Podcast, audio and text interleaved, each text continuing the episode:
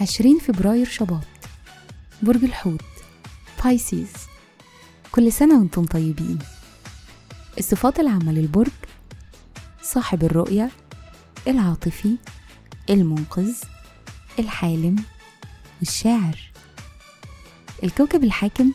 لا يوجد. العنصر المية. الطالع في يوم ميلادكم. رحلة الحياة لحد ما توصلوا لسن التسعة وعشرين بتكونوا حساسين وعاطفيين. بتدوروا على الأوضاع والعلاقات المثالية في حياتكم.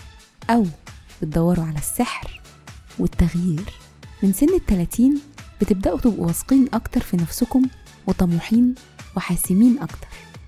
وعادة بتبدأوا مغامرة جديدة أو بتاخدوا مبادرة في علاقاتكم بالآخرين.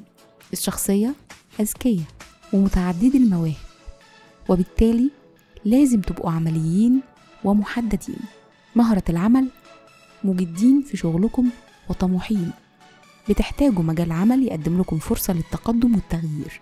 بتتعلموا مهارات جديدة بسرعة فبالتالي بتنجذبوا للرسم الفن الألوان التصميم ممكن الموسيقى وكمان الرقص. تأثير رقم يوم الميلاد مواليد رقم عشرين حساسين ومتفاهمين وعادة ما بيكونوا شايفين نفسهم فرد في مجموعة كبيرة. في الحب والعلاقات أنتم الشخصية الودودة الاجتماعية اللي بتهتم بتحقيق السلام والتناغم في علاقاتها.